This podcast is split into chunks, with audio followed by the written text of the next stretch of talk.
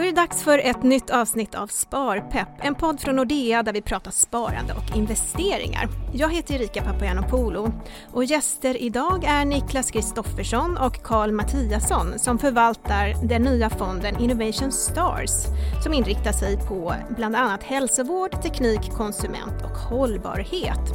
Och de kommer bland annat berätta om vad som utmärker innovativa bolag och hur de jobbar med förvaltningen.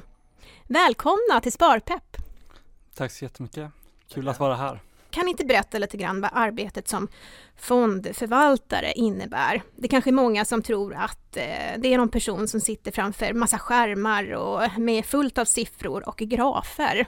Är det så? Det beror på lite vilken investeringsstrategi man har. Är man trader eller arbetar med systematisk handel så tror jag att det stämmer nog mycket att man arbetar mycket med, sitter mycket framför datorn och kollar mycket på grafer och sådär men för våran del så stämmer det inte då, då vi arbetar med fundamental aktieanalys. Det innebär att vi försöker förstå värdet på bolaget och hur detta kan växa över tid. Eh, vilket skiljer sig ganska kraftigt från att bara sitta framför en dator och analysera grafer. Och eh, vårt mål är i slutändan att eh, skapa en bra riskjusterad avkastning för våra kunder. Det grundar sig i att vi, vi försöker göra ett bra analysarbete på de bolagen vi, vi, vi investerar i. Vi vill komponera en, en aktieportfölj samt att vi spenderar tid på att kommunicera detta med våra andelsägare. Så, så mer konkret så eh, lägger vi en hel del tid på att intervjua eh, de företagen vi investerar i och då egentligen går det eh, mycket tid på att förbereda dem vilka är fråge, frågeställningar som vi vill ha svar på för att, eh, för att se om det här är en intressant investering eller ej.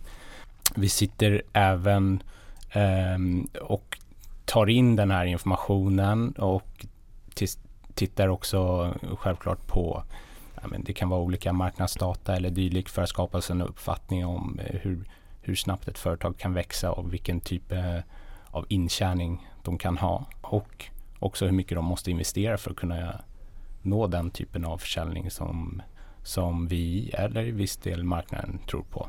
Så det går ganska mycket tid på det. Men jag, jag skulle också vilja framhäva att, att i det här så, så finns det ett ganska stort element av kreativitet.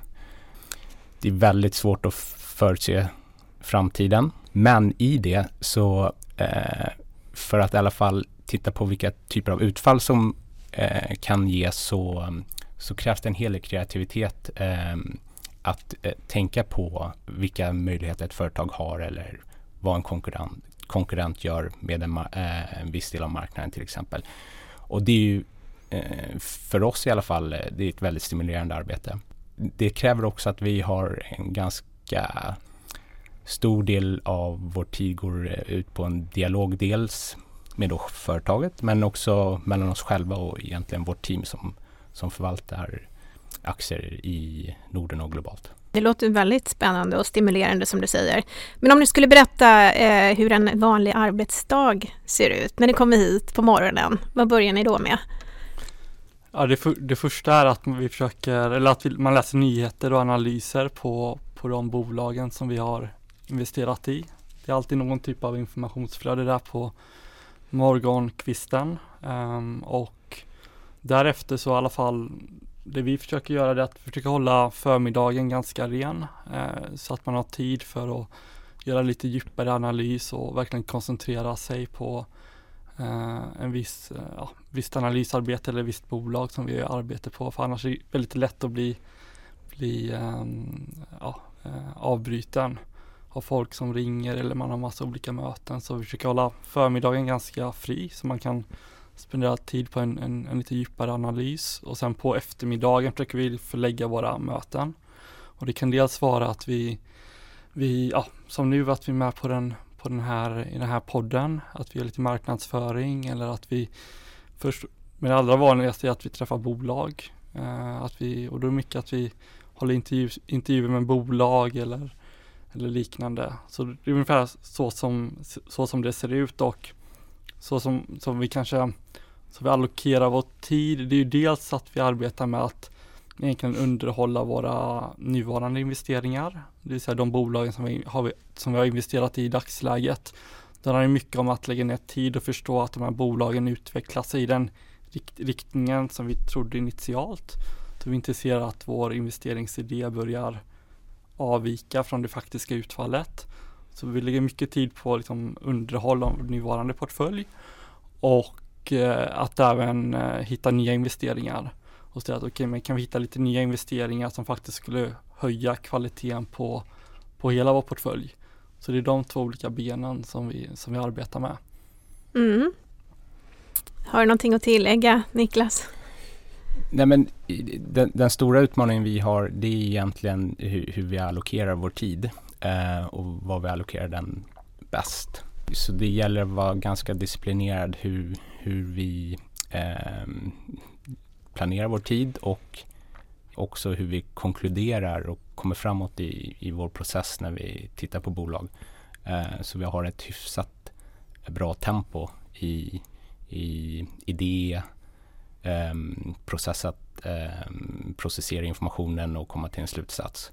Så det är väl vår största utmaning egentligen eh, mm. som kännetecknas i och som leder till hur vi liksom lägger upp vårt dagliga arbete. Och ja, en tydlig struktur. Exakt och, ganska, exakt, och sen ganska veta vilka bollar man ska, ska springa på. För framförallt när liksom, där aktiemarknaden är där den är idag, det är många bolag som vill noteras. Och, och eh, vilket gör att det ja, man får liksom ett konstant inflöde av liksom, om man vill, vill vara, vara med vid placings eller IPOer.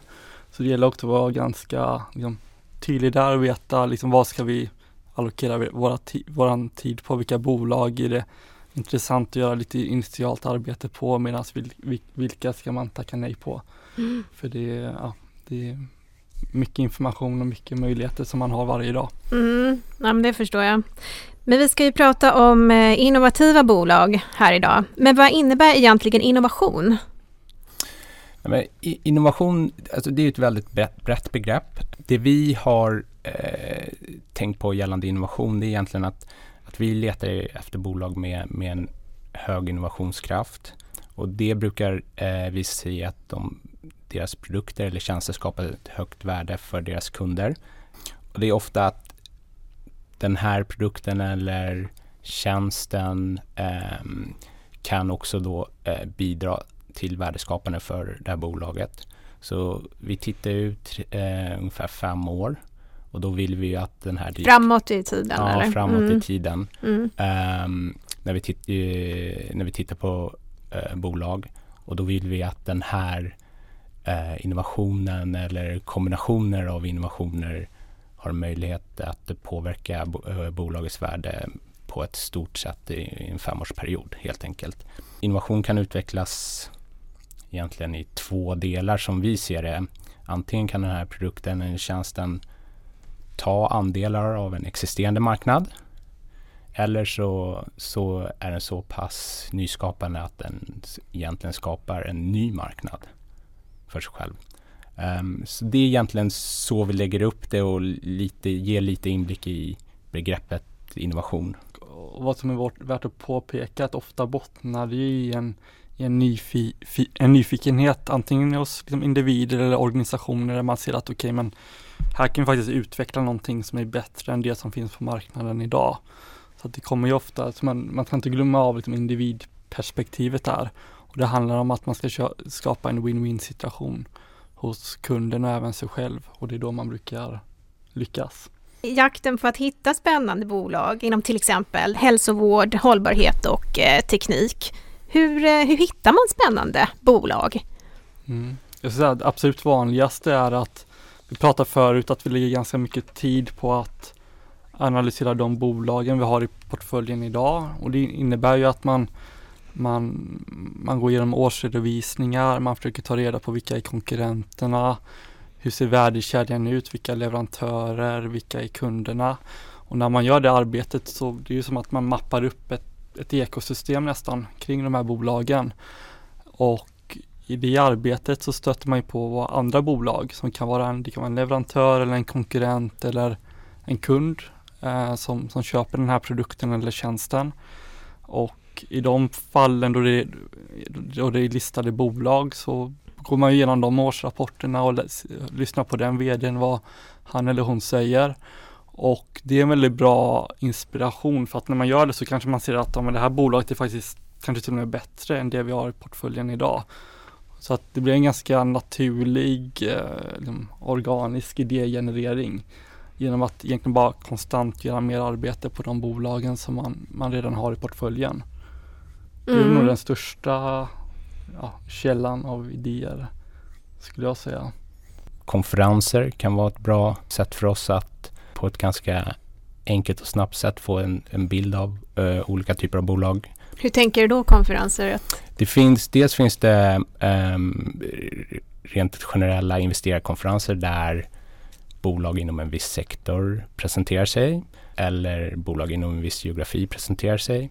Sen finns det även ehm, eh, branschspecifika eh, konferenser där, där bolag eh, egentligen, ja, som en vanlig, in, inte intern konferens, men en konferens för ett bolag som ska liksom sälja sina produkter eller en mässa till exempel.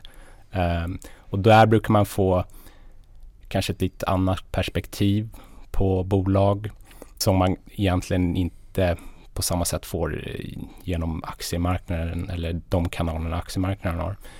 Till exempel så var jag för eh, något år sedan eh, nere i Belgien på eh, en av de största sjömatskonferenserna i, i världen. Det är ju då eh, en, kon eh, en, konferens och en mässa för eh, bolag som säljer eh, fisk, fiskutrustning och så vidare.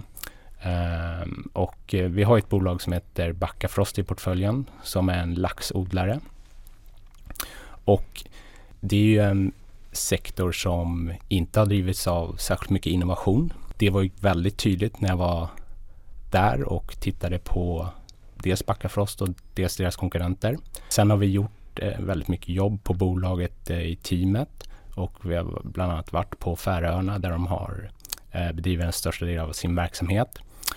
Och eh, där kan du då eh, ganska snabbt förstå att de ligger långt fram i, i sin möjlighet att eh, innovera och att egentligen få ut mycket mer fisk eh, än vad sina konkurrenter kan göra.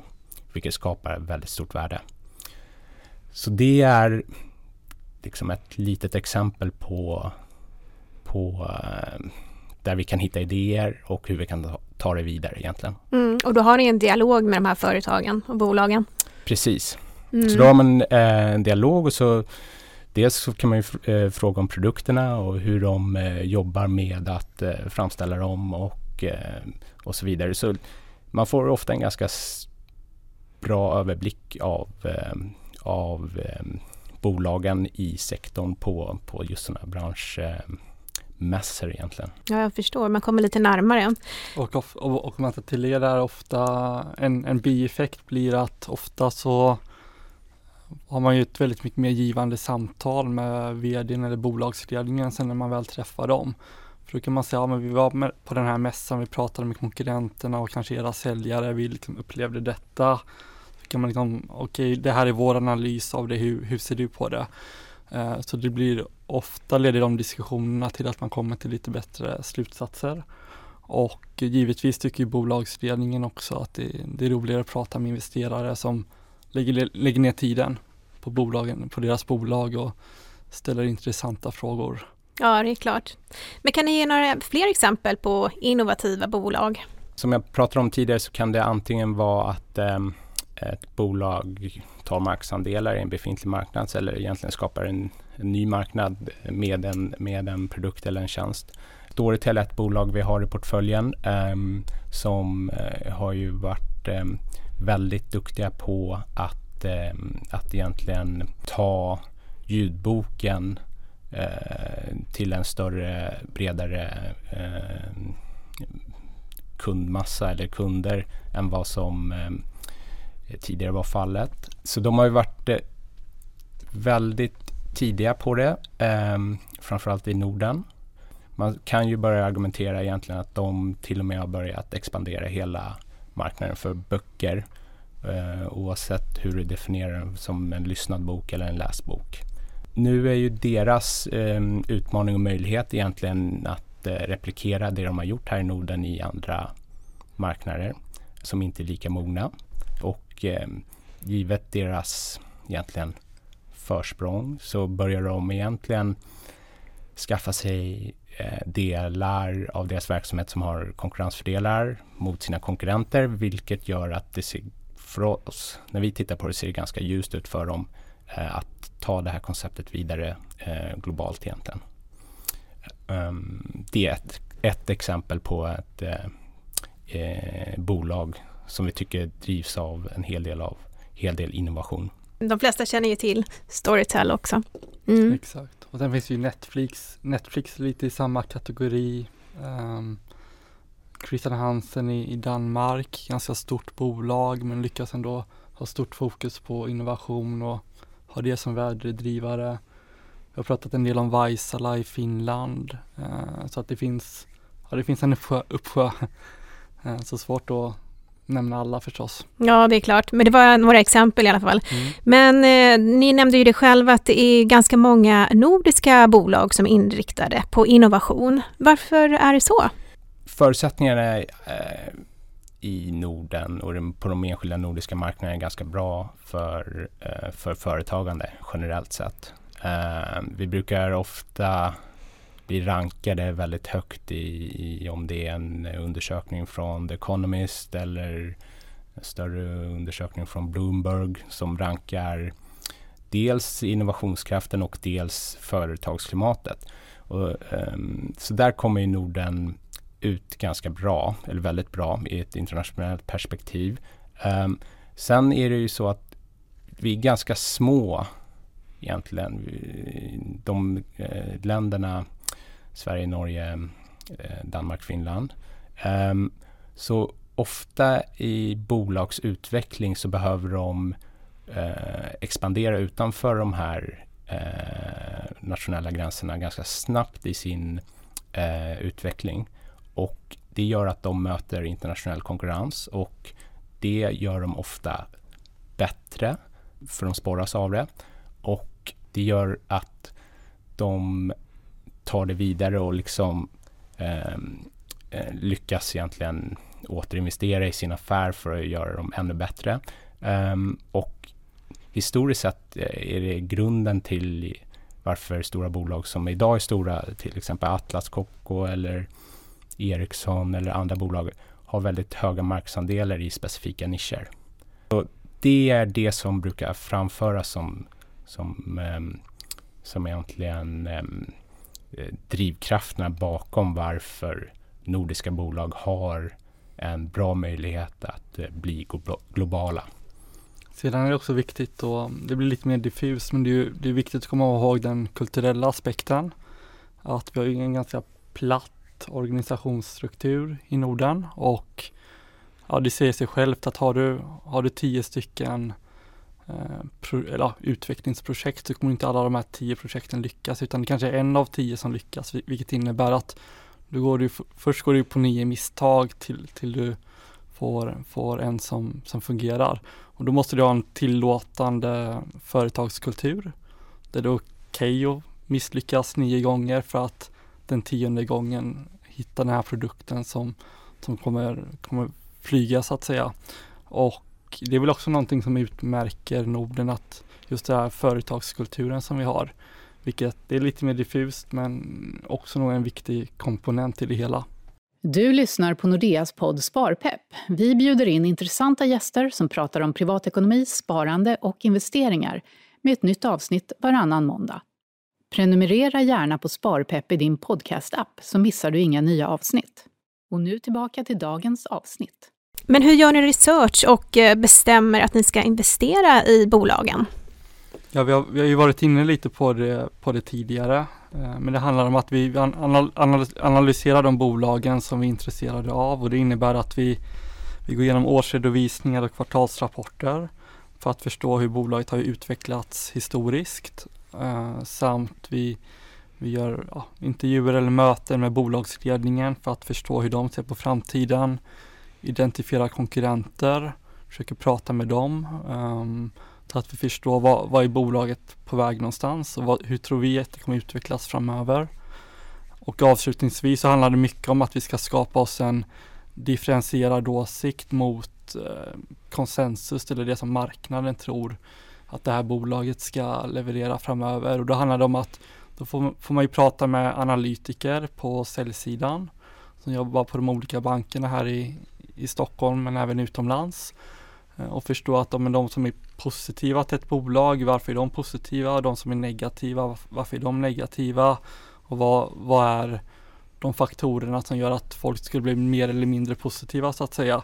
Så att vi kan identifiera lite hur, hur, man, hur, man, ja, hur folk ser på bolaget i dagsläget. Och på så sätt kunna se, okej okay, men då kanske vi särskiljer oss för vi tror att en underliggande marginalen är lite mer än vad folk tror eller det finns en längre, längre tillväxtresa.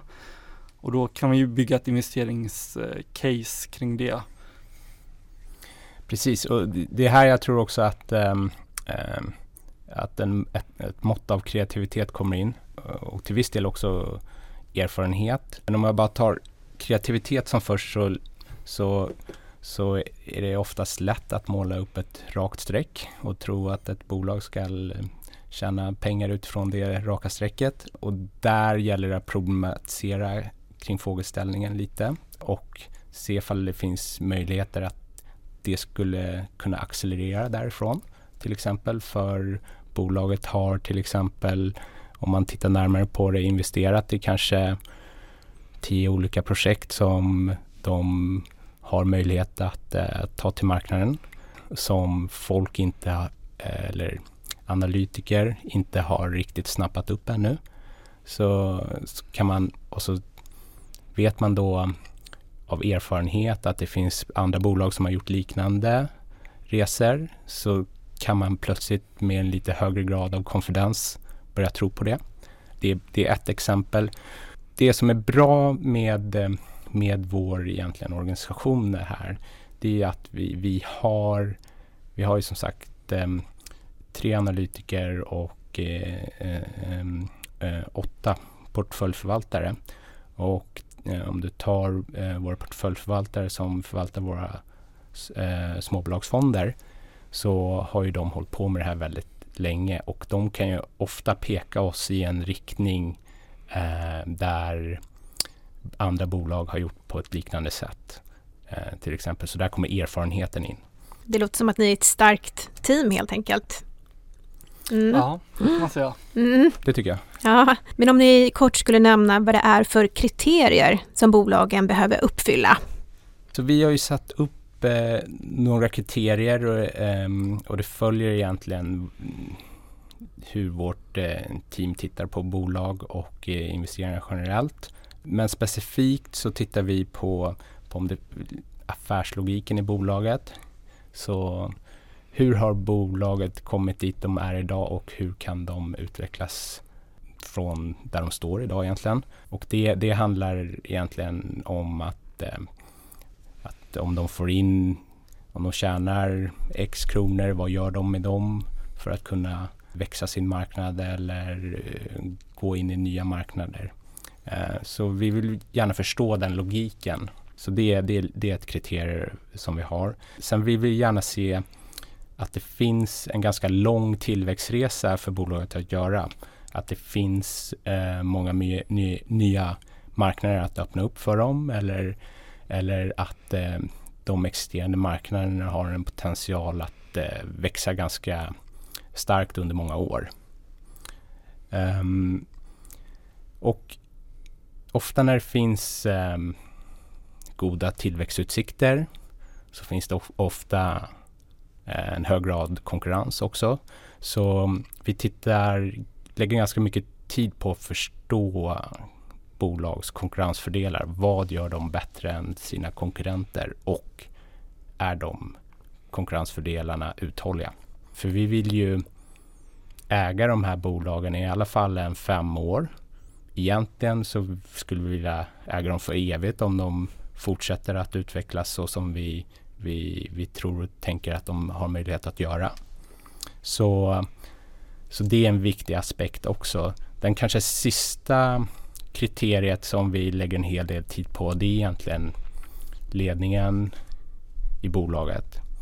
Att, eh, att bolagsledningen egentligen i sitt tänk och i sin strategi stödjer att de har möjlighet att ta tillvara på eh, de tillväxtmöjligheter som finns. Men också att de förstår vad de är bra på och deras konkurrensfördelar så att de skyddar dem och egentligen utvecklar dem och förstärker dem över tiden. Mm. Jag tror att det handlar mycket om att försöka förstå att okej okay, men det här bo bolaget som vi kollar på tror vi att det kommer vara ett bättre bolag om tre till fem år än idag. Eh, och det kommer in mycket till de här konkurrensfördelarna. Ser vi att de ska, skapar någon typ av konkurrensfördel givet deras strategi och var de befinner sig idag. För att om, om, om man kan argumentera för det så blir det så mycket lättare att kunna argumentera för värdet på bolaget och hur, hur framtiden ska, ska se ut. Och anledningen till att vi har de här kriterierna det är ju att det finns så många olika bolag som är in innovativa. Så det gäller ju att försöka sålla lite så här agnarna från vetet. Eh, då vi ändå vill ha en ganska koncentrerad portfölj. Um, och de, de bolagen vi undviker, det är bolag som eh, de kan ha ganska, om man har lite aggressiv accounting, att man lite hur man eh, ja, redovisar sina intäkter och kostnader eh, med andra ord. Um, vi, vill, vi undviker bolag som har en hög regulatorisk risk. För det är väldigt svårt för oss att bedöma hur, hur den typen av risk, hur det kommer påverka bolaget. Um, vi undviker turnarounds också. Vad menar du med det, turnarounds? Det är bolag som har haft det lite kämpigt de, ser, ja, de senaste åren av en eller annan anledning. I vissa fall kan det vara att bolag kanske har underinvesterat eh, Eh, eller att de har en konkurrent som är väldigt aggressiv. Eh, men med andra ord att det inte har gått som planerat. Eh, och då vill vi gärna se att innan vi är redo att gå in i, det, i den typen av bolag så vill vi i alla fall att, det ska, att de ska ha en eller två steg i rätt riktning innan vi, vi är redo att investera i dem. Och det kommer också lite ner till det som Niklas pratade innan om just tillväxtresan att vi vill ju att bolagen ska liksom, vi vill, ja, vi kallar det så proof of concept. Vi vill att vi ska se att det de, det, det bolaget håller på med att det fungerar, att man kan, det faktiskt finns en kund där ute som är villig att, att betala för deras produkt eller tjänst. Uh, så på det sättet så ja, är vi kanske lite mer uh, försiktiga än, än andra på sätt och vis. Mm. mm. Kan ju vara klokt. Eh, men om vi ska prata lite mer om eh, den nya fonden Innovation Stars som ni förvaltar. Hur många bolag har ni plockat in i fonden? För närvarande har vi eh, lite mer än 50 bolag. Ehm, eh, det är väl eh, som vi ser det en ganska bra startpunkt från vår sida. Vi är väl, har väl en filosofi eh, att ha ganska koncentrerade portföljer så man kan nog förvänta sig att över tiden så kommer det nog minska ner på, de på antalet bolag. Men för närvarande är det dryga lite mer än 50 bolag i portföljen. Har ni valt bort några bolag? Absolut.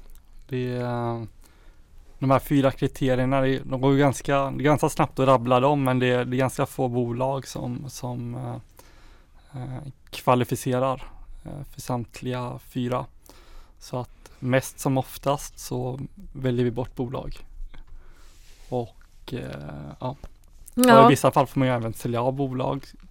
Vi har ju varit live här nu i sex månader. Och det är redan nu liksom efter ett halvår ser man att ja, men det här går inte riktigt som förväntat. Då får man, då kanske man gör sig av med det bolaget då. Så det handlar ju också om att det som vi trodde var ett bra bolag eller passade in på alla våra kriterier från början kanske inte var det. Då minskar man ju ner det på det sättet också. Så att, eh, men som svar på frågan absolut. Vi vill ge bort många bolag. Ja, och den här fonden det är ju en så kallad STARS-fond och ingår i Nordeas STARS-koncept. Vad innebär det egentligen? Nordea har ju varit väldigt tidiga och arbetat med ESG eh, e i sina fonder. Eh, Hållbarhet och kan du bara upprepa Precis, vad det så, står så, för? Så eh, egentligen STAR-konceptet handlar om att eh, det ger ett, ett ramverk för att välja bolag som tar vara på sina möjligheter och eh, har koll på sina risker gällande ESG-frågor.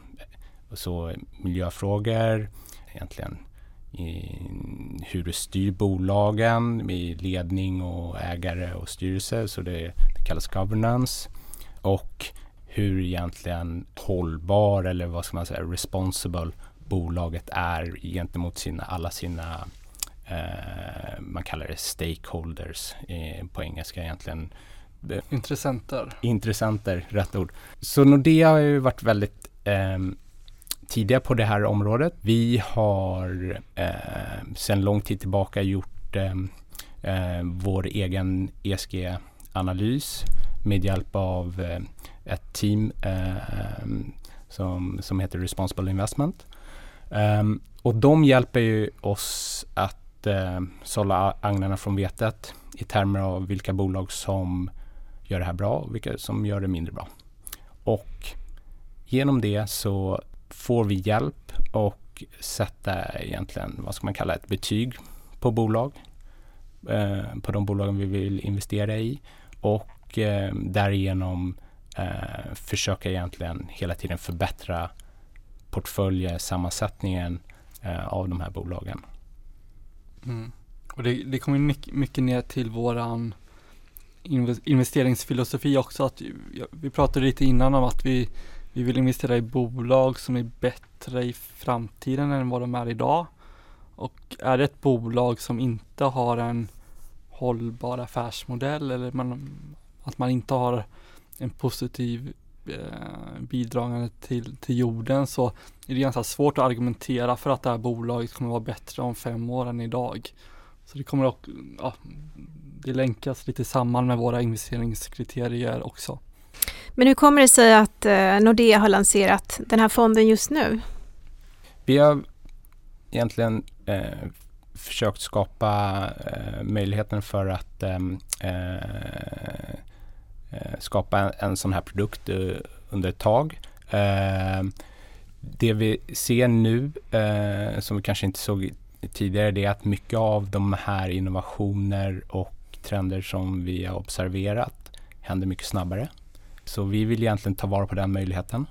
Och vår ambition är ju att, eh, och vår tanke bakom det här är egentligen att de här typerna av bolag är idag en ganska liten del, dels av, av eh, eh, eh, våra kunders typiska portfölj och de är en liten del av den totala aktiemarknaden.